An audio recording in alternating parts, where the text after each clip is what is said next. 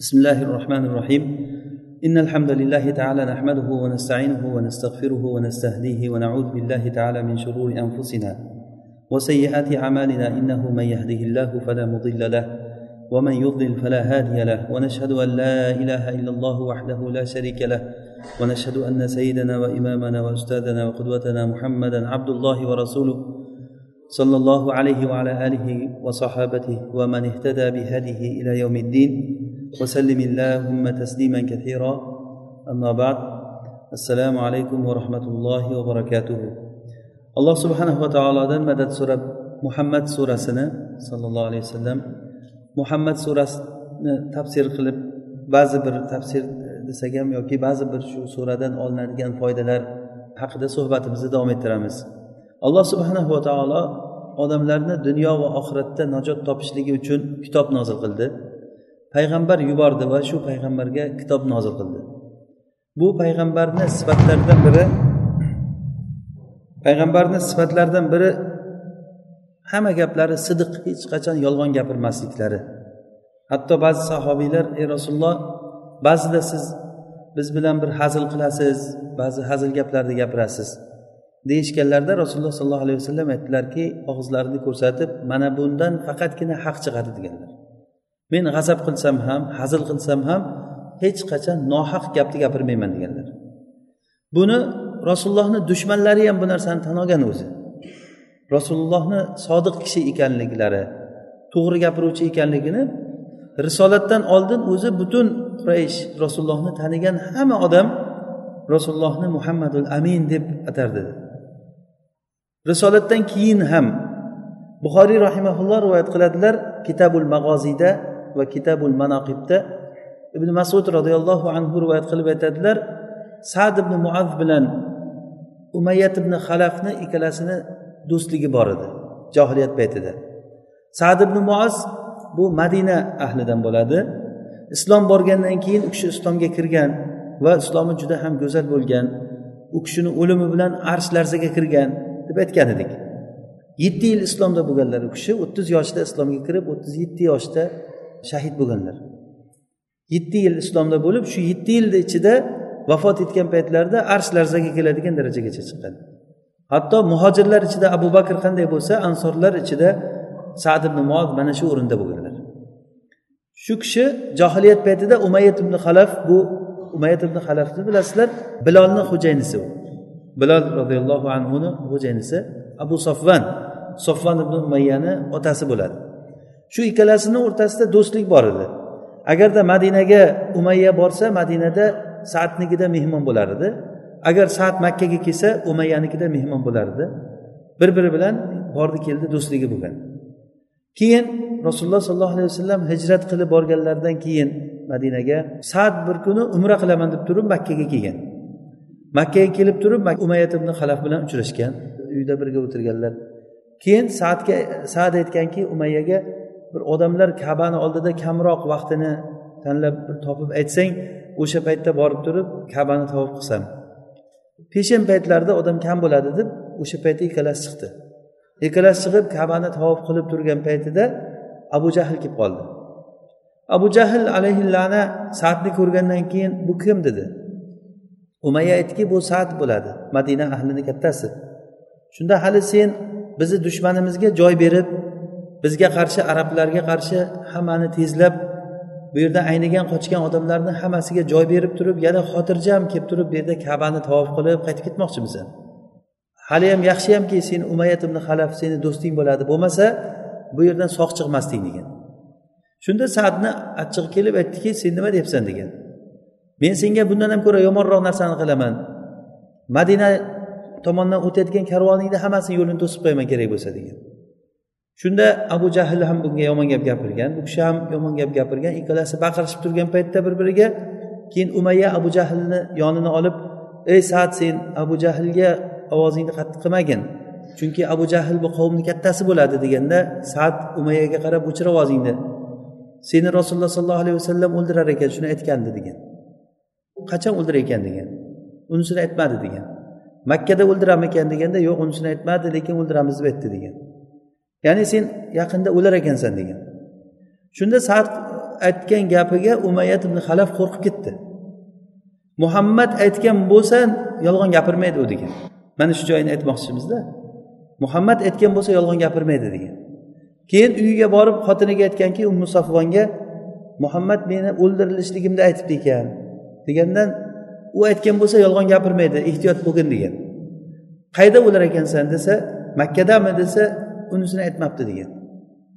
Ozroq vaqtdan keyin badr g'azoti bo'ldi. Badr g'azotiga abu sufyonni keladigan karvonini yo'lda to'silib qoldi deb eshitib quraysh butun bir birini chaqirib fursat kelib qoldi borib ularga shu bahona urush qilib hammasini o'ldirib kelamiz. Deb odamlarni chaqirgan paytda umayya chiqmaslikka harakat qildi. Shunda abu jahl kelib turib sen chiqmasang bo'lmaydi qavmni kattasi bo'lasan sayid bo'lasan.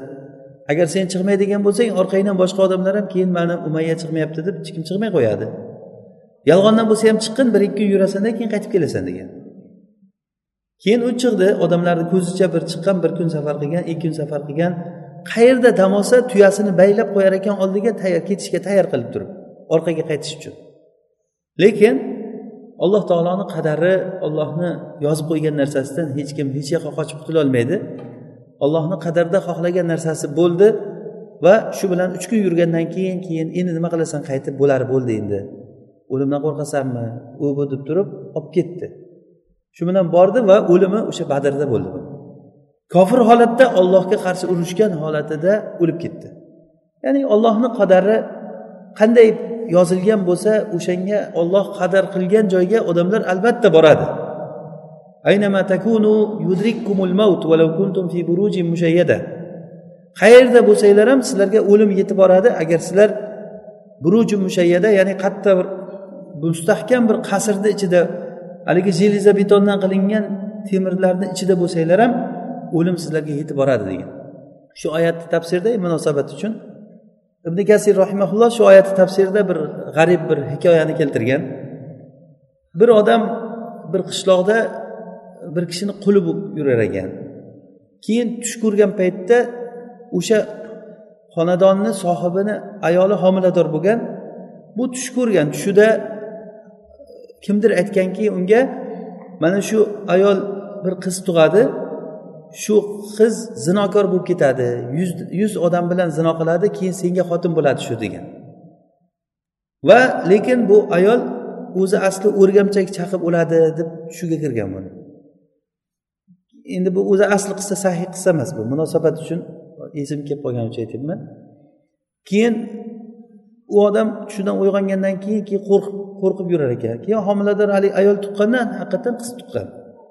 Shuni o'ldirishim kerak deb turib kindigini kesamiz pichoq olib kel degan paytda pichoq olib kelib qornini yorib tashlagan ekan haligini qornini yorib yuborgan qiz. Yorib qochib chiqib ketgan. Lekin haligi qiz o'lmay qolgan.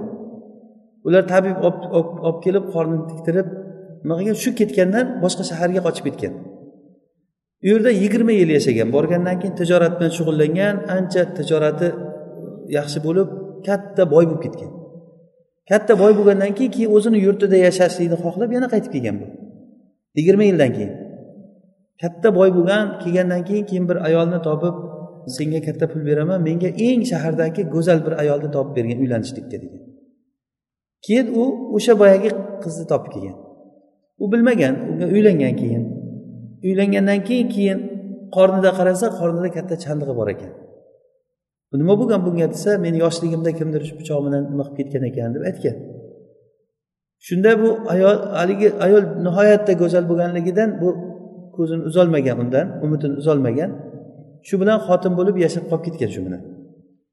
Lekin haligi tushini davomi bor uni o'rgamchak chaqib o'ldiradi o'rgamchak sababli o'ladi deb bitta qasr qurdirib umuman o'rgamchakdan saqlanib yurar ekan. Keyin bir kuni xotini bilan o'tirgan paytda tepadan o'rgamchak tushayotganligini ko'rib mana o'rgamchakdan ehtiyot bo'l men tush ko'rgan edim seni tushimda shu o'rgamchak sababli o'ladi deb ko'rgan edim. Shundan qo'rqaman ehtiyot bo'lgin shuni desa keyin shu o'rgamchakdan ham qo'rqasizmi deb xotini bir sakrab o'rgamchakni qo'liga olib yerga tashlab tovoni bilan tepib tepib o'ldirgan ekan. Shu o'ldirishda yerdan bir narsa oyog'ini jarohatlab yuborgan ekan. Tovonini. Shu bilan oyog'iga bir nima tushib kasal bo'lib oyog'i chirishni boshlagan ekan kesilib kesilib o'lishlikka sabab bo'lgan ekan. Ya'ni bu agarchi qissa g'arib bir e, qissa bo'lgani bilan lekin ulamolar shuni shu oyatni tafsirida keltirishadi. Qanday bo'lsanglar ham sizlar agarda betondan qilingan temirdan qilingan uyni ichida bo'lsalaring ham o'lim sizlarga topib boradi yetib boradi.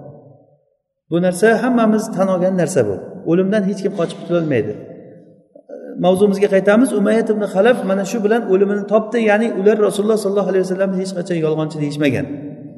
Rasululloh sollallohu alayhi vasallam havodan so'zlagan kishi emas edilar. Rasulullohni gapirgan gaplari hammasi vahiy edi. Rasulullohga nozil qilingan bu kitob qur'on kitobi bizga hayotimizni manhajini hayotimizni programmasini bizga tuzib beradigan kitob bo'ldi.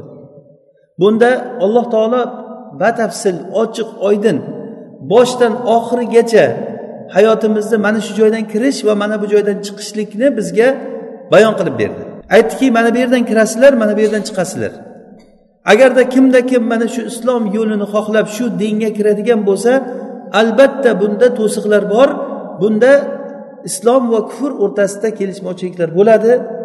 Sizga qarshi chiquvchi odamlar bo'ladi qarshi chiqishligini sababini o'zlari ham bilmaydi o'sha odamlarni.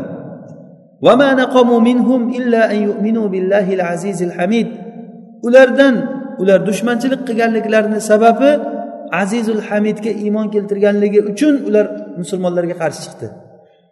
O'sha qarshi chiqadigan odamlar o'zlari ham bilishmaydi nima qilayotganligini bizga qur'on mana shu hayot manhajimizni tuzib berdi.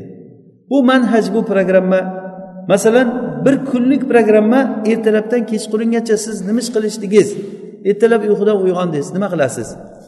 Kechqurun to yotguncha nima qilasiz? Mana bu manhaj ya'ni nima qilamiz? Buni bunday qilamiz buni har bir odamni o'ziga yarasha bir kunlik bir tartibi bo'ladi. Bizni hayot tartibimiz mana shu qur'on bo'ldi. Qur'onda boshlanishini aytdi va oxirini va undan keyin oqibat nima bo'lishligini aytdi. Odamlar ikki toifa bo'lar ekan. Kofir bo'lgan odamlar ularni qiladigan ishlari sifatlari ollohni yo'lidan to'sqinchilik qilishlik. Mollarini ollohni yo'lidan to'sishlik uchun sarflashlik. Ular izzatni aziz bo'lishlikni ollohdan boshqadan istashliklari va ularning dumlari bo'lgan munofiqlar mana shularni izdoshlari.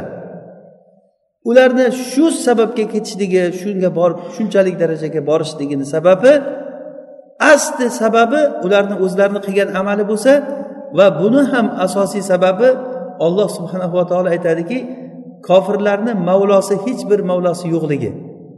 Mo'minlarni bo'lsa alloh taolo ularga iymon berdi amali solih qilishlikka tavfiq berdi ularni hidoyatladi va ularning hayollarini isloh qildi va aslaha balahum ularni fikrlarini alloh taolo isloh qildi. Ularni hidoyatladi va ularga chiroyli go'zal bir hayotlarni berdi. Mana shu bilan hayot boshlandi va dunyodan o'tgandan keyin ham mo'minlarni alloh taolo hech qachon yordamsiz tashlab qo'ymadi. Jonini olishda farishtalar rahmat farishtalari kelib uni jonini olishligi. Nahnu avliyaukum fil hayati dunya. Ya'ni farishtalar alloh subhanava taolo tarafidan rahmat farishtalari kelib jon taslim qilayotgan mo'min kishiga sizlar qo'rqmanglar xafa bo'lmanglar. Biz sizlarni dunyo hayotida ham avliyolaring valiylaring edik. Va qiyomat kunida ham sizlarni yonlaringda turamiz biz. Qo'rqmanglar. Valakum fiha ma tashtahi anfusukum valakum fiha ma taddaun sizlar uchun jannatlar bor. Alloh taolo tarafidan tayyorlab qo'yilgan nuzul ya'ni ziyofat makonlari bor. Nuzulan min g'afurir rohim g'afurur rohim tarafidan bo'lgan ziyofat o'rinlari bor. Ya'ni bizga alloh taolo mana shularni bayon qildi. Ne'mat borligini bizga bayon qildi. Bu ne'mat bitmas tuganmas bir jannat ekanligi. Alloh taolo buni mo'min bo'lgan kishilarni oxiri borib jannatga kirib jannatda o'zlarini qasrlarida joylashishlikkacha batafsil qur'onda bizga bayon qildi. Mana shu ma'no qur'oni karimda juda ham ko'p o'rinda takror va takror keladi. Bugungi biz yetib kelgan joyimiz muhammad surasida innalloha yudxilul amanu va amilus solihati jannatin tajri min tahtiha al anhar alloh taolo iymon keltirgan va solih amal qilgan kishilarni tagidan anhorlar oqadigan jannatlarga kirgizadi dedi. Ya'ni iymon keltirgan va solih amal qilgan kishilar va iymon keltirib ham xossatan muhammad sollallohu alayhi vasallamga nozil qilingan din mana shu dinni haq deb iymon keltirgan odamlar. Bizni eng katta muammomiz iymon keltirdik degandan keyin ba'zi olloh rahm qilgan kishilardan boshqa aksar odamlar solih amal qilishmaydi. Faqat iymon keltirdik degan gapni biladi. Lekin bu jannatlarga kirishlikni sababi birinchidan iymon keltirdik degandan keyin solih amallarni qilgan va rasululloh sollallohu alayhi vasallamga nozil qilingan dinni o'zlariga din tutib olgan kishilar deb maqtanilyapti. Bizni muammomiz shu yerda. Rasulullohga nozil qilingan dinni o'zimizga hayot manhaji qilib olmaymiz. Kimki ollohni o'ziga robbi qilib rozi bo'lsa islom dinini din tutib rozi bo'lsa va rasululloh sollallohu alayhi vasallamni payg'ambar deb rozi bo'lsa mana shu odam haqiqiy iymonni komil qilgan kishi bo'ladi. Aksar kishilar olloh rahm qilgan kishilar bundan mustasno dinda odatlardan kelib chiqib amal qilinadi. Urf odat dinlar urf odatga kirib qolgan. Mahram nomahramchilik masalalari urf odatga kirib qolgan. Yoki ayollarni hijob urash masalasi urf odatga kirib qolgan. Urf odatda agar nima bo'lsa o'sha narsa dinga aylanib qolgan. Agar o'shani shariatdan ekanligini bilsa ham shu narsaga biladi lekin baribir o'shanga yo uni qabul qilmaydi yo bo'lmasa boshqa odamlar amal qilgan bo'lsa ham unga fitna qilib turib orqasidan har xil gaplarni gapirishligi shuni mana shu qilgan ishi menga yoqmaydida deb gapiradi. O'sha yoqmaydi deb gapirgan gapi vaholanki sunnat ishi bo'ladi. So'rasangiz musulmonman deydi. Mana bu bizni muammomiz. Iymon keltirgan solih amal qilgan va rasululloh sollallohu alayhi vasallamga nozil qilingan dinni din tutib mana shu dinni mahkam ushlagan odam. Va huval haqqu min robbihim. Robbilaridan mana shu haq deb bundan boshqa haq emas. Shu dindan boshqa tomondan borsa albatta odam adashadi. Ibn qayim rahimaulloh to'g'ri yo'lda turishlik ya'ni ollohni mahkam tutishlik dinda mustaqim turishlik ikkita taraf bilan bo'ladi. Ya'ni ollohni mahkam ushlashlik bilan al atisom billah val atisom bihablillah deb ikkita toifaga bo'lib tushuntirganlar. Ya'ni ollohga tavakkal qilishlik. Bu insonni agar bir musofirga o'xshatsangiz shu musofirni halok bo'lib ketmasligiga olib kelsa ikkinchisi ollohni arqonini ya'ni ollohni arqoni bu dini. Dinni mahkam tutishlik yo'ldan adashmaslikka olib keladi. Agar kimda kim islom dinidagi narsani hammasiga amal qilmasa dinga komil kirmasa albatta u odam adashadi.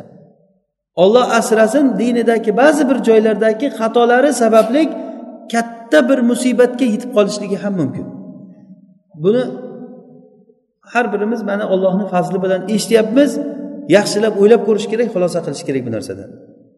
Arzimagan bir joylardagi biz arzimagan deb o'ylagan narsalarda ba'zan e'tiborsiz qarashligimiz mumkin. Masalan uhud jangida kamonchilarni rasululloh sollallohu alayhi vasallam bir tepalikka qo'ydilar. Biz g'olib bo'lsak ham mag'lub bo'lsak ham agar qushlar kelib turib bizni cho'qib ketayotganligini ko'rsalaring ham tushmanglar dedilar. Bundan boshqa nima deyish kerak yana tushmanglar deyishlik uchun? Agar biz qanday holatda bo'lsak ko'rsanglar ham tushmanglar g'olib bo'lsak ham tushmanglar mag'lub bo'lsak ham tushmanglar. Hattoki qushlar kelib bizni cho'qib ketayotganligini ko'rsanglar ham tushmanglar deganlar mana shu gaplarni aytgandan keyin u kamonchilar turdi maydonda urush boshlangandan keyin qaradi musulmonlarga g'oliblik bo'ldi kofirlar qochdi orqaga qarab bular orqalaridan quvib asir olib o'ldirib ketaverdi. Shu paytda qarab turib bular bo'ldi urush tugadiku. Endi bu yerda o'tirgandan ko'ra bir foydali ish qilaylik. Borib turib biz ham asrlardan g'animatlardan olaylik desa ba'zilari rasululloh nima degandi desa yo rasulullohni aytgan gaplari u urush tugaguncha deganligi urush tugadiku. deb shunday kamonchilar tepani bo'shatib qo'ygan paytda xolid ibn valid orqa tomondan u poylab turgan edi. Xolid ibn validga otliq askarlarga yo'l ochildi. Keyin ular musulmonlarni orqa tarafidan hujum qilib kelib hammamiz bilamiz qancha talofat bo'ldi. Hatto rasululloh sollallohu alayhi vasallamni o'ldirildi degan gap chiqdi. Hamza roziyallohu anhu musab ibn umayr yetmishta musulmonlardan yetmishtasi shahid bo'ldi. Rasulullohni boshlari yorildi. Tishlari sindi ikki yuzlariga dubulg'ani ikkita tomondagi temiri kirib ketgan yuzlariga. Hatto hushlardan ketib qolish darajasigacha borgan. Mana shuncha musibat nimadan bo'ldi? Shuncha musibatlar rasulullohni bitta amriga itoat qilmaslikdan bo'ldi. Demak bu narsa bir hazil masala emas bu. Biz o'ylaymiz olloh subhanahu va taoloni karami ya'ni ollohni mehribonligi ollohni gunohlarni evaziga birdaniga musibat kelib qolmaganligidan aldanamiz. Ya ayyuhal insanu ma g'arraka bi robbikal karim. Ey inson sen karim bo'lgan robbingga aldanib qanday aldanib qolding dedi. Ollohni karamidan ollohni kechirimli kelganligidan aldanib qolding. Bir marta masiyat qilding qarasang hech narsa bo'lmadi hech kim bilmadi uni. Ikkinchi marta masiyat qilding uchinchi marta masiyat qildingda keyin shu masiyat senga bu narsa odatlanishga aylanib qoldi. Bemalol masiyatni qilishlikka o'tildi. Hatto shu darajagacha borildiki islomni davo qilgan musulmon kishilar aroq qo'yib turib o'rtada alloh taolo bu ikki yoshga baxt bersin saodat bersin deb turib aroqlarni ichadigan darajagacha keldi. Olloh la'natlagan narsani o'rtaga qo'yib yana ollohga duo qilib turib ichishligi o'shanaqangi fujurlar bo'ladigan joyda alloh taoloni asmaul husnasini muzikaga qo'yib turib qo'shiq qilib turib aytib baraka bo'lsin deb turib majlisni shu bilan boshlashliklar arab diyorlarida ko'rasiz bu narsani. Shu darajagacha borildi. Demak bu narsa bir yengil bir masala emas bu. Iymon keltirgan solih amal qilgan va rasulullohga nozil qilingan narsaga iymon keltirgan odamlar mana shunday kishilarni alloh taolo tagidan anhorlar oqadigan jannatiga kirgizadi deyilyapti. Ko'p joylarda anhorlar zikr keladi. Chunki anhorlar bu ne'matni ko'rinishi boisi bu. Suv hayotni oxiratda ham dunyoda ham oxiratda ham eng ne'matni asoslaridan hisoblanar ekan. Chunki suv bor joyda daraxt bo'ladi daraxt bor joyda mevalar bo'ladi. O'sha uchun tagidan anhorlar oqadigan tagidan anhorlar oqadigan deb ko'p joylarda keladi والذين كفروا يتمتعون ويأكلون كما تأكل الأنعام والنار مثوى لهم kofir bo'lgan kimsalar bo'lsa ular xuddiki hayvonlar yeganday yeydi va hayvonlar foydalanganday foydalanadi va do'zax ularni boradigan joyi mana bu oxiri oqibati shu kim xohlasa bu yo'lga yursin xohlasa bu yo'lga yursin O'rtada ham alloh taolo tashlab qo'ymadi odamlarni. Ya'ni iymonli kishilar hayotga iymon yo'lini tanlab kirgandan keyin bizni oldimizda ikkita yo'l turibdi. Uchinchi yo'l yo'q. Yo iymon yo'li olloh va rasulini yo'lini tanlaysiz yoki kufr yo'li bor olloh yo'lidan teskari bo'lgan yo'l. Uchinchi boshqa o'rtada na u yoqlik na bu yoqlik bo'lgan bir qaragan odam uni ko'p ham uncha musulmon ham deb o'ylamaydigan kofirlar qarab turib buni musulmon deb o'ylamasa musulmonlar qarab uni kofir deb o'ylamasa bunaqangi yo'l yo'q. Olloh unday qilib qo'ymaydi bu kishini. O'shanday yo'lni tanlagan odam bir joyiga kelgan paytda ajralmay iloji bo'lmaydigan o'ringa boradi. Yo u tomonga o'tish kerak yo bu tomonga o'tish kerak. Keyin oxir oqibatda kofirlarni tugash joyi ular hayotda xuddi hayvon yeganday yeydi hayvon foydalanganday foydalanadi va boradigan joyi do'zax bo'ladi. Mo'minlarni holatini zikr qilgan paytda innalloha yudxil alloh taolo ularni kirgizadi deb aytyapti. Ya'ni kirgizishlikni alloh taolo o'ziga nisbat berib aytyapti. Bu hurmat uchun. Ya'ni xuddiki ollohni o'zi kiringlar kiringlar deb kirgizganday innalloha yudxil deyapti. O'zi aslida farishtalar kirgizadi. Jannatga kirgizgan paytda mahsarda hisob kitob bo'lgan paytlarda namoyi amallar o'ng qo'llardan berilingan kishilar tarozilari og'ir kelgan kishilar o'tinglar jannatlarga kiringlar deb eshiklari katta ochildi. Mana qasrlar boringlar o'zlaringni joylaringni topib olinglar hammalaring deganda mo'minlar jannatga kirib ketgan paytlari bularni yonlarida farishtalar turib marhamat marhamat kelinglar deb turishliklari salamun qavlan mir robbir rohim ularga rahimlik olloh tarafidan salom aytilinadi. Ya'ni xos olloh tarafidan xos salomlar keladi ularga. Bu narsa tashrif uchun hurmatlash uchun. Ammo kofirlarni bo'lsa ularni do'zaxga kirgizadi demayapti. Masva degani bu ya'ni sava arab tilida istiqror degani. Masva degani istiqror o'rni ya'ni kofirlarni yashaydigan joyi degani. Do'zax kofirlarni yashaydigan joyi bo'ladi. Olloh asrasin. Shu hayotda yashab yashab yeb ichib oxiri boradigan joyi do'zax bo'layotgan bo'lsa aqlli odam qaysisini tanlaydi? Bayon qilindi qur'onni o'qing qarang hamma narsa ochiqchasiga aytilingan. Kofir bo'lgan kimsalar xuddiki hayvon yeganday yeydi hayvon foydalanganday foydalanadi. Birinchidan hayvonni kofirlarni yeyishligini hayvonga o'xshatilishligi hayvon ovqat yeyishdan maqsadi faqat yeyish bo'ladi boshqa narsa emas. Nima uchun yeyapsan desa o'zi ham bilmaydi. Hayvonlar ham xuddi shunday. Oldiga shunday ovqatni tashlab qo'ysangiz qasr qusur urib yeyveradi agar ovqatni olib qo'ysangiz to'xtab turaveradi. Kofirlar ham xuddi mana shunga o'xshaydi. Ikkinchidan kofirlar ovqat yeyishligi hayvonlarga o'xshashligini bir tomoni hayvon yeydigan ovqatini yegan paytda buni kim berdi deb o'ylamaydi. Mana shu jihatdan kofirlarniki xuddi hayvonlarga o'xshaydi. Musulmon kishilar bo'lsa iymonli kishilar bo'lsa ularga taom olib kelingan paytda ana shu taom ularga razzoqni eslatadi. O'sha uchun ham bizga rasululloh sollallohu alayhi vasallam duo o'rgatdilar.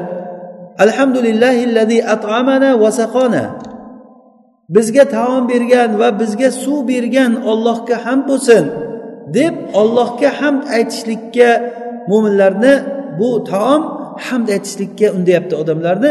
Vajalana muslimin deb va yana boshqa bir ne'matni ham eslatyapti. Taom ne'matidan kattaroq bir ne'matni. Oldimizga taom kelgan paytda shu taomga qarab odamlar taomni yegandan keyin ollohga hamd bo'lsin shu taomni berdi va bu taomdan ham kattaroq bir ne'matni berdi. Bizni musulmon qilib qo'yibdi ya degan ma'noda bu taom bizlarga uni beruvchisi inom qiluvchisini eslatsa va yana bu taom bizlarga undan ham ko'ra kattaroq bir ne'matni eslatadi. U ham bo'lsa islom ne'mati. Bu narsa qani kofirlarga qanday bo'ladi bu? Shu jihatdan hayvonlarni o'zi bular. Xuddi hayvon yeganday yeydi hayvon foydalanganday foydalanadi. Uchinchidan hayvon ovqat yeydi faqat semiradi. Qilayotgan ishi shu. Kofirlarniki ham xuddi shunday bo'ladi. Lekin eng daqiq bir o'xshash joyi shuki hayvon semirtirilgan paytda qanchalik semirsa shunchalik o'limga yaqinlashib boraveradi. Hattoki masalan bir semiz ho'kizni bir kishi ko'rsa ya bu so'yadigan bo'lib qolibdiku deydi. Kim ko'rsa? Ya'ni tayyor bo'lib qolibdiku deydi. Go'yoki semirib bo'ldi degani bo'ldi so'yish kerak degani. Bekordan bekorga ovqat beravermaydi. Ya'ni ma'lum bir joygacha semirib bo'lgandan keyin bekordan bekorga uni sohibi unga taom berib taom berib yuravermaydi. Ya'ni qanchalik darajada semirishligi uni shunchalik darajada hayotini tugashligiga olib boraveradi.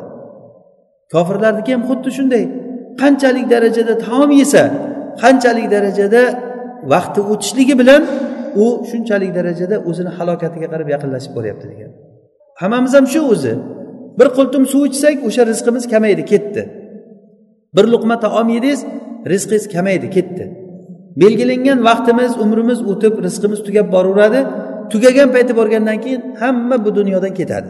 Lekin oqibat alloh subhanava taolo bayon qilgani kabi bo'ladi. Keyin kofirlarni holatini alloh taolo bu yerda bayon qilyaptiki yatamattauna deb. Yatamattaun arab tilida tamattu kalimasi muta deganligi foydalanish degani ya'ni bir kishi musofir odam yo'lda ketish paytida masalan yomg'ir yog'ib qolsa bir yomg'ir tushmaydigan joyga panalab turishligi yoki bo'lmasa o'tirgan paytda tagiga bir nam o'tmaslik uchun bir narsani olib ustiga o'tirishligi bu tamattu ya'ni vaqtinchalik bir narsadan foydalanish degani. Kofirlar bu dunyoda vaqtinchalik foydalanadi. Lekin bu foydalanishligi ham bunda musulmonlar ham foydalanadi. Faqat kofirlar emas bu. Aslida bu dunyoda ne'matdan musulmonlar komil foydalanadi. Kofirlar bo'lsa bu ne'matlardan bulg'angan holatda foydalanadi. Buni kofirlarni o'zi yaxshi biladi. Kofir munofiq bo'lgan odamlar ne'mati loyihalangan ne'mat ne'mat. Alloh subhanava taolo hud surasini boshida va anistagfiru robbakum summa tubu ilayhi yumatti'kum mata'an hasana. Ollohga istig'for so'ranglar ollohga tavba qilinglar sizlarni yaxshi foydalantiradi hayotda deyapti. Demak ollohdan istig'for so'rashlik tavba qilishlik bizga beriladigan dunyo hayotida mut'ani ya'ni yaxshi foydalanishlikni beradi. Hasana. Olloh aytyapti buni mataan hasana deb turib chiroyli foydalantiradi sizlarni. Agar sizga farzand bersa shu farzand sizga bitta bo'lsa ham agar o'g'il bo'lsa ham qiz bo'lsa ham o'sha mataan hasana bo'ladi siz uchun. Agar kichkinagina bo'lsa ham agar uyingiz bo'lsa yoki ijara bo'lsa ham shu uyingiz bo'lsa ustingizga kiyadigan avratingizni saqlaydigan kiyim bo'lsa bir minnat qilinmaydigan bir kiyim bo'lsa ana o'sha ham sizga mataan hasana bo'ladi. Ammo allohga iymon keltirmagan kofir va ularning dumlari bo'lgan munofiqlarni hayoti bunaqangi mato bilan bunaqangi yaxshi hayot bilan kechmaydi. Agar shakli sizni qanchalik ajablantirishligi mumkin lekin uni ichki ma'nosiga kirib ichki dunyosiga kiring har qanday kofir bo'lgan odamni hayotini tekshirib ko'ring u hayotida hech qachon bir lazzatda yashayotganligini ko'rmaysiz. Bu hayotni qonuni shu. Agar yaxshi yashayman degan odam shu dunyoni ne'matidan yaxshi foydalanaman degan odam ollohga istig'for so'rab ollohdan tavba qilishlik kerak. Ana o'shanda alloh taolo va'da beryaptiki sizlarga bir yaxshi foydalantiramiz deyapti. Ko'rinishda yaxshi bo'lib ko'rinishligi mumkin. Hamma bolalari uylanib ketgan qizlari turmushga chiqib ketgan o'zi hajga borib kelgan. Bu ko'rinishligi mumkin lekin ollohga istig'for so'ramasa ollohni dinida yaxshi yurmasa unda mataan hasana bo'lmaydi. Qiyinchilik o'sha tarafdan kelaveradi. Ularni bolalari ularni moli dunyosi sizni ajablantirmasin. alloh taolo ularni mana shu bilan azoblamoqchi ularni bolasi bilan ularni moli dunyosi bilan ularni azoblamoqchi demak ularga berilgan moli dunyo ularga ne'mat emas ularga azob bo'ladi a mo'minlar bo'lsa buni aksi alloh taolo qur'onda aytadiki قل من حرم زينة الله التي أخرج لعباده والطيبات من الرزق قل هي للذين آمنوا في الحياة الدنيا خالصة يوم القيامة alloh taolo bandalariga halol qilgan toyibotlarni kim harom qila oladi? Ayting ey muhammad sallallohu alayhi vasallam bu toyib narsalar iymon keltirgan odamlar uchun bu dunyoda va oxiratda xolis shularniki. Ya'ni bu degani chiqadiki bu dunyodagi ne'matlar hozir mo'minlar uchun lekin kofirlar ham bundan foydalanadi sherik bo'lib turib. Asli mo'minlarniki bu. Qul hiya lillazina amanu fil hayatid dunya. Bu toyibotlar dunyo hayotida iymon keltirgan odamlarniki xolisatan yavmal qiyama qiyomat kunida xolis shularniki ya'ni xolisatan yavmal qiyama degandan tushunamizki qiyomat kunida xolis mo'minlarniki degani bu dunyoda kofirlar ham mo'minlarni yoniga kirib shu ne'matlardan foydalanar ekan. O'zi haqiqatdan olsangiz kofirlarga beriladigan ne'matlar mo'minlar uchun beriladi. Kofirlar uni tortib oladi. O'sha mo'minlar borligi uchun yomg'ir yog'adi. O'sha mo'minlar borligi uchun bu hayot bo'lib turibdi. Agar hayot mo'minlar bo'lmaydigan bo'lsa hayot to'xtaydi. Qiyomat bo'ladigan paytda yer yuzida mo'min qolmagan paytda bo'ladi. Shirorunnas deb rasululloh sollallohu alayhi vasallam aytganlar butun odamlarni yomonlari qoladi ana o'shalarni ustiga bo'ladi qiyomat. Demak iymon keltirib solih amal qilgan kishilarni alloh taolo tagidan anhorlar oqadigan jannatlarga kirgizadi. Kofirlar bo'layotgan bo'lsa ular shu dunyoda ozroq ozroq foydalanadi. Mataun qalil xuddi foydalanishliklari ham hayvonlar foydalanganday foydalanadi. Keyin bo'lsa ularni boradigan joyi do'zax bo'ladi. Ya'ni kofirlarni ba'zi bir hadisda keladiki dunyo kofirni jannati mo'minni do'zaxi deb keladi. Ya'ni mo'min kishiga bu dunyo qamoqxona sijin ad dunya sijnul mo'min va kofirni bo'lsa jannati mo'minni bo'lsa qamoqxonasi deb keladi. Hozir biz aytgan ma'noda mo'min kishi bu dunyoda toyib narsalardan foydalanadi dedik. Qanday qilib turib unga qamoq bo'ladi? O'zi aslida kofir uchun bu dunyo jannat bo'lsa mo'min kishi uchun qamoq deydigan bo'lsak aslida mo'min kishi yaxshi foydalansa bu dunyodan kofir o'zi foydalanolmasa foydalanganda ham xuddi hayvon foydalanganday foydalansa. Bu hadisni qanday tushunamiz deganda imom roziy rohimaulloh bunga bir misol keltirgan. Buni misoli mo'minni misoli xuddi shu narsaga o'xshaydiki bir kishi musofir bo'lib safarga chiqib ketgan. Uni shaharida o'zini uyi bor bog'lari bor farzandlari bor ahli bor moli dunyosi butun badavlat odam safarga chiqib ketib ancha vaqt uyidan ahlidan uzoqda yashagan. Keyin ahliga ishtiyoq bo'lib mushtaq bo'lib juda ham qiziqib bola chaqasini sog'inib yo'lda kelish paytida u odam yo'lda bir joyda to'silib qolgan. To'silib qolgandan keyin bir daraxtzorni ichida qolib ketgan. U daraxtzorni ichidan o'ziga bir soyabon qilib olgan. O'sha joydagi daraxtlarni mevalaridan yegan bu odam foydalangan o'sha joydan. Keyin qanchadir vaqtdan keyin o'zini ahliga yetib kelib olgan. Mo'min kishini jannati uni jannatda unga tayyorlab qo'yilgan narsalari rasululloh sollallohu alayhi vasallam qur'onda va hadislarda aytgan xabarlarda mo'minlarga qancha qancha ne'matlar tayyorlab qo'yilganligi qasrlar borligi unda huriinlar tagidan anhorlar oqadigan jannatlar borligi ko'z ko'rmagan quloq eshitmagan inson qalbiga kelmagan ne'matlar borligi mo'min kishini shu narsada kutib turibdi. Ana o'shanga yetib borishlik uchun shu dunyo ushlab turibdi. Agar shu dunyodan ketsa o'shanga o'tib ketadi. Bu xuddiki haligi ahliga shoshilib kelayotgan odam o'rmonda boyagi ushlanib qolgan odam nima deydi men ushlanib qoldim o'sha joyda. O'sha bir joyda kelayotgandim bir joyda ushlanib qoldim. Mo'min kishini dunyo ana shunday ushlanib qolishligi bo'ladi. Lekin o'sha ushlanib qolgan joyda haligi daraxtlarni soyalaridan va mevalardan foydalanib o'sha yerdagi suvlardan ichganiga o'xshab bu dunyoda mo'min kishi foydalanadi. Unga berilingan narsalar lekin toyib yaxshi hayot qilib beriladi. Lekin mo'min kishi yaxshi biladiki bu hayot maqsad emas. Bu hayot maqsad emas bu dunyoda uylansa bir kishi bo'ldi niyatiga yetdi degani emas bu. Farzandli bo'lsa bo'ldi niyatiga yetdi ish tugadi degani emas bu. Yoki bir uy joyiga ega bo'lsa minadigan markabga ega bo'lsa ustida kiyimi bo'lsa bo'ldi maqsadi hosil bo'ldi degani emas bu. Chunki buni biz hammamiz ko'rib turibmiz.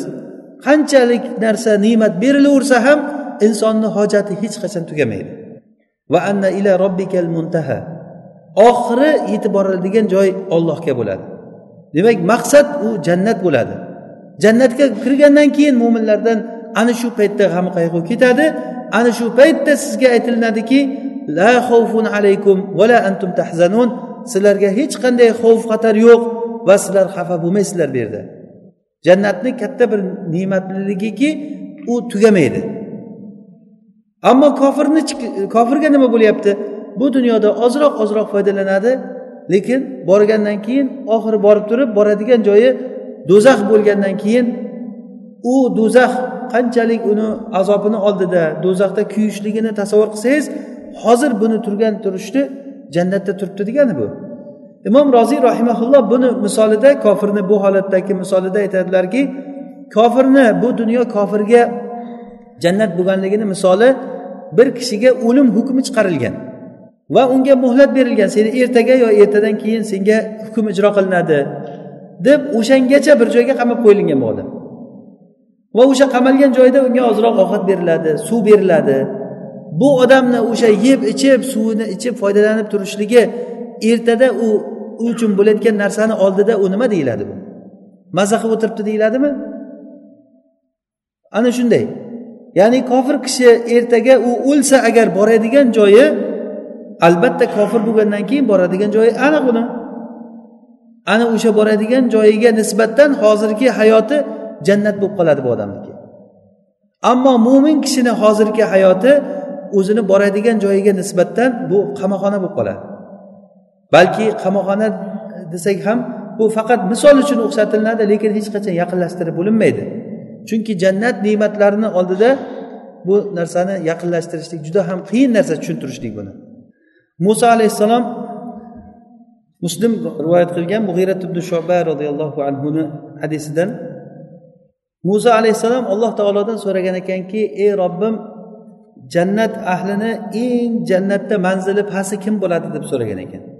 Jannat ahlini eng manzilati pasti shunda alloh taolo aytgan ekanki jannat ahlini eng darajasi past bo'lgan kishi u hamma odam jannatga kirib bo'lgandan keyin eng oxiri jannatga kirayotgan odam. Unga alloh taolo jannatga kirgin degan paytda u kishi aytar ekanki ey robbim men jannatga qayerga kiraman? Hamma odam kirib jannat to'li bo'lgan bo'lsa odamlar oladigan narsalarni olib bo'lgan bo'lsa jannatda menga nima qoldi endi? Deganda alloh taolo aytar ekanki senga dunyodagi podshohlardan bitta podshohni mulkini bersam rozi bo'lasanmi degan. Qola roditu ya rob degan. Bo'ldi roziman degan. Alloh taolo aytar ekanki senga shuni mislicha yana mislicha yana mislicha beshinchi marotaba aytishda bo'ldi roziman ey robbim degan ekan. Roziman. Shunda alloh taolo aytar ekanki senga dunyoda mana shu berilingan narsalarni o'n barobari berildi degan. Mana bu jannat ahlini eng darajasi pasti bo'lgan kishi ekan. Unga jannatga kiriladi. Shunda muso alayhissalom aytdilarki ey robbim eng yuqorisi qanday bo'ladi bunda? Agar eng darajasi kami shu bo'layotgan bo'lsa eng darajasi yuqorisi qanday bo'ladi deganda alloh taolo aytar ekanki men o'zim xohlagan odamlar mana shular va ularni karomatini o'z qo'lim bilan ekkanman der ekan. Ularga jannatda ko'z ko'rmagan quloq eshitmagan va inson qalbiga hech kimni xayoliga kelmagan narsalar bo'ladi. Alloh taolo hammamizni jannat ahlidan qilsin. Bu dunyo bir mataul g'urur aldanishlik matosi bu. Yashaymiz yashaymiz mataun qolil ya'ni olloh aytyapti bu narsani mataun qolil deb. Ozgina foydalanishlik. Kiyim bo'lsa kiyamiz foydalanamiz. Ichadigan narsamiz bormi yeydigan narsamiz bormi? Bir tomoqdan o'tguncha o'tgandan keyin tamom hammasi. Lekin asosiy hayot bu. Va inna daral axirata lahiyal hayavan law kanu ya'lamun. Oxirat hayoti bu haqiqiy hayot bu. Agar odamlar bilsa buni. Ya'ni biz mana shunga iymon keltirdik shu yo'lni tanladik. Alloh taolo o'zi tavfiq berdi biz tanladik deb katta gapirishligimiz o'zi mumkin emas bo'lgan narsa. Alloh subhanava taolo mana shu yo'lga bizni hidoyatladi. Biz xohlasak xohlamasak desak deganday haligi ba'zilarimiz o'zimiz bilmagan holatda bu yo'lga tushib qoldik. Suhbati solihani alloh taolo nasib qildi. Bir birimizdan ilm o'rganishlikni nasib qildi. To'g'ri yo'ldagi kishilarni ko'rsatdi alloh taolo. Eshitishlikni nasib qildi ilm majlislarida o'tirishlikni nasib qildi. Mana shular bilan biz to'g'ri yo'lga alloh taolo o'zi ko'rsatdi. Oqibatimizni ham alloh subhanava taolo yaxshi qilsin. Jannat ahli jannatga kirgan paytda alloh taolo qur'onda ular haqida aytadiki bizni mana shu joyga olib kelgan ollohga ham bo'lsin. Agarda olloh bizni hidoyatlamaganda edi biz bu yerga yetib kelmagan bo'lardik. Robbimizni payg'ambarlari elchilari haq gapni keltirgan ekan. Mana shu oxirgi aytilayotgan gaplar va axiru davahum anilhamdulillahi robbil alamin. Oxirgi davolari ollohga ham bo'lsin deydi boshqa gap yo'q. Ollohga ham bo'lsin. Alloh taolo o'zi hidoyatlab o'zi bizga hidoyat sabablarini berib oxiratda o'zi hisob kitobni yengil qilib jannatga kirgizib yuborsa bu jannatni ne'matlari ko'z ko'rmagan quloq eshitmagan unda inson qalbiga kelmagan ne'matlar bor. Asallardan oqadigan anhorlar bor. Xamirlardan oqadigan anhorlar bor. Suvlari o'zgarmagan yaxday zilo suvlar oqadi u yerda xohlagan mevalari qutufuha daniya. Uni mevalari shunday egilib oldingizga kelib turadi.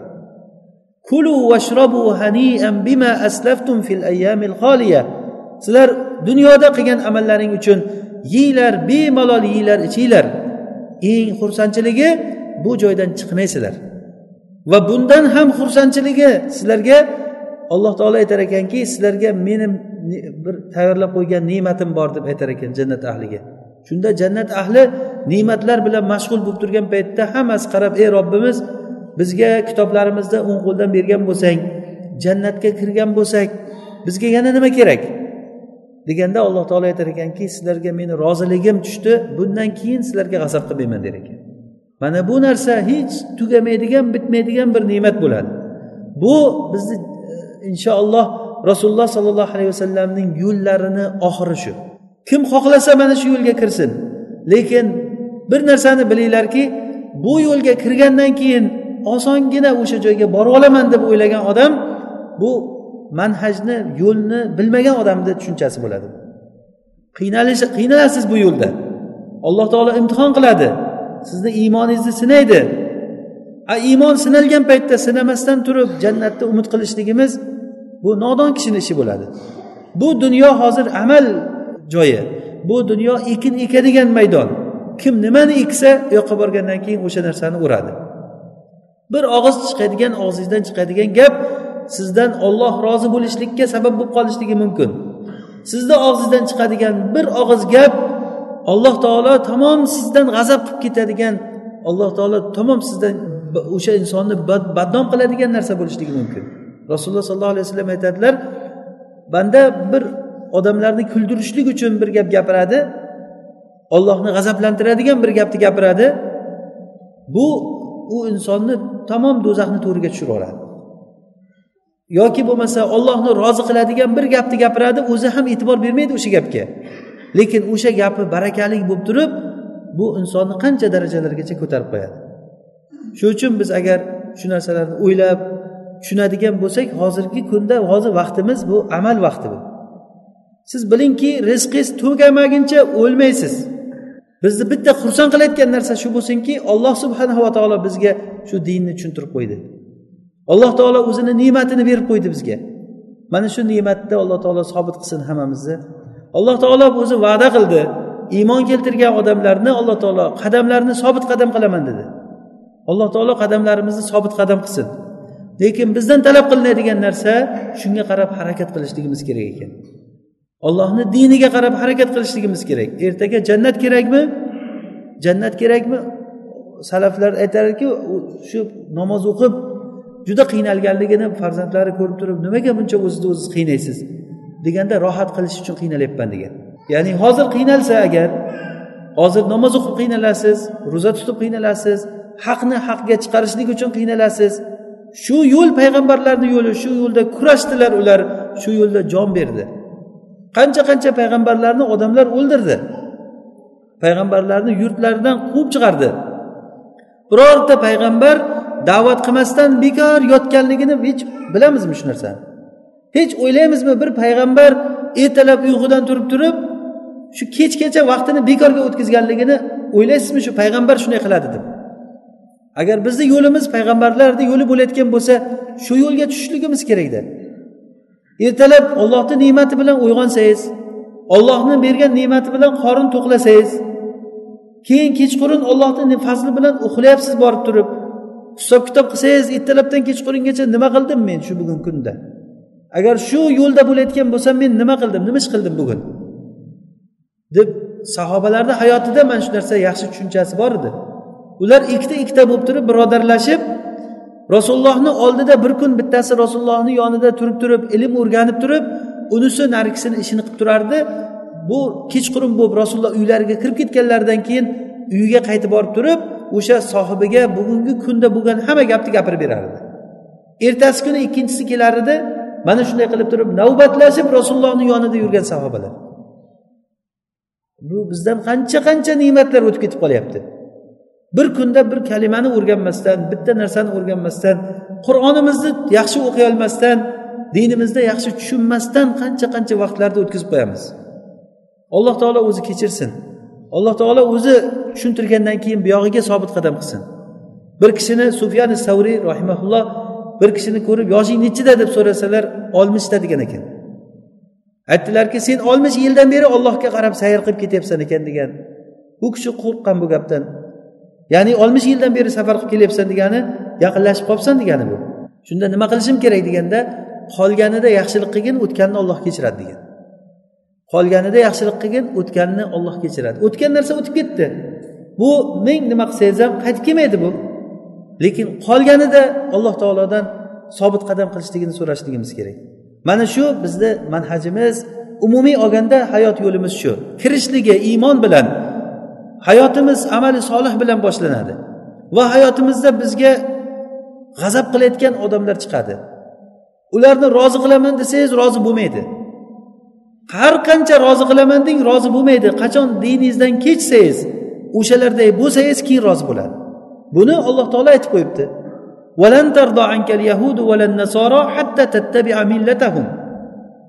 Yahudu nasorolar sizdan hech ham rozi bo'lmaydi. Valan lan degan kalima arab tilida lam nun hech qachon degani. Buni kim aytyapti? Olloh aytyapti buni. O'sha yahudu nasorolarni yaratgan zot aytyapti bu gapni. Yahudu nasorolar bizdan hech qachon rozi bo'lmaydi hatto ularni millatiga ergashmagunizcha rozi bo'lmaydi.